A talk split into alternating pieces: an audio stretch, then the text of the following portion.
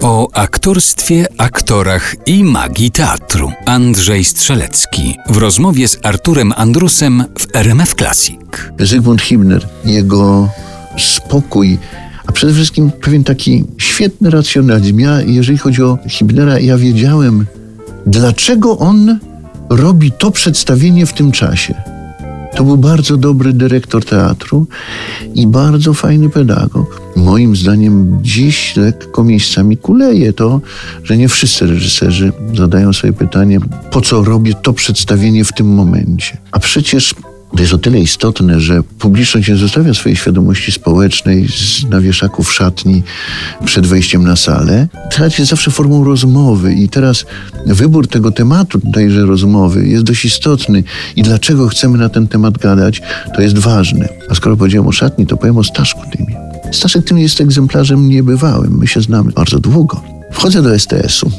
Staszek siedzi w szatni, co jest normalne. Tam nikogo nie dziwiło, że, że, że ktoś z aktorów jest w szatni i przyjmuje płaszcze. No, w tymże teatrze to było normalne. Natomiast co było nie, nie, anomalią? Anomalią było to, że patrzę, a Staszek zerwane wieszaki przyszywa do płaszczy. Ja mówię, Stasiu, cóż ty robisz? A on mówi, no przyszywam wieszak w zerwanym płaszczu y, męskim. Ja mówię, no czyżeś ty oszalał? A on mówi, Andrzej, powiedz mi tak, przyszyłeś kiedyś wieszak? Ja mówię, nigdy. A widzisz. I teraz uważaj. Ja przyszywam wieszak, facet wraca do domu, odkłada płaszcz, żona mówi, kto ci to przyszył? I Staszek dla takiej, antycypując pewną taką sytuację, no skrajnie niemożliwą przecież, no przecież nie przyszyłby się Artur w życiu wieszaka do płaszcza. Po to, żeby wywołać pewną taką sytuację w domu u kogoś, czego zresztą nie będzie świadkiem, ale w jego wyobraźni ta sytuacja, on sobie kaleczył ręce przyszywając te wieszaki Można powiedzieć, można powiedzieć, że przeszywał te wieszaki ze zwykłej ludzkiej życzliwości. Zwykle, prawda? tak, tak.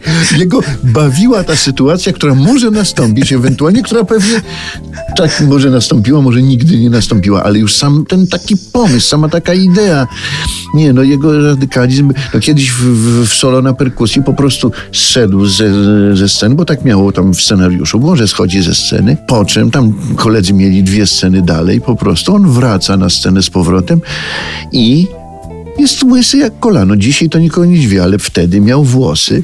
On zszedł ze sceny, zamówiony był fryzjer, ogolił go podczas tych dwóch scen na łyso. Staszek wszedł, wiesz, wyobraź sobie kolegów aktorów w teatrze, którzy widzą, że tu nie ma żadnego pisu, że Staszek po prostu przez te dwie sceny został, dał się ogolić no, dla tej tego jednego momentu, żeby koledzy nie wyrobili, nie wytrzymali po prostu i faktycznie tak też się stało. On tylko powiedział, że cześć chłopaki, byłem u fryzjera i poszedł dalej to gotów był po prostu nawet wtedy obciąć włosy. To, że los mnie rzucił w takie rejony takich ludzi po prostu, takich ludzi tutaj w szkole, że później wylądowałem obok Jareckiego, Andrzeja, e, Jurka Dobrowolskiego, Wojtka Młynarskiego, to jestem po prostu szczęściarzem. No.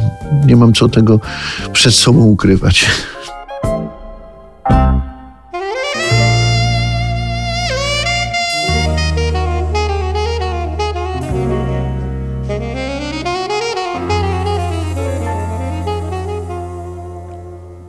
Ach, to był szał, gdy Duduś grał na saksofonie. Tworzył styl mych najlepszych chwil, mych młodych lat. Każdego dnia nadzieja szła w białym welonie. Spotkać mnie, zaprzyjaźnić się, iść razem w świat wciąż na Mokotowskiej, gdy zmierzch spóźnia się troszkę, tych chwil starym hybrydom żal. Gdy nastrój trwał i Duduś grał na saksofonie, naszym snom, marzeniom, łzom pan Duduś grał. Byliśmy nie winni w te dni i tak pogodni. Skrzył się czas od konceptów i dowcipu rac. Nie myślał nikt, że życie jest jak bar przechodni. Ostry start i gasa po raz, a potem kac. Lecz coś się nie starzeje, to chęć, by mieć nadzieję, to chęć, by choć w marzeniach wbiec tam, gdzie nastrój trwa i Duduś gra na saksofonie. Naszym snom, marzeniom łzą.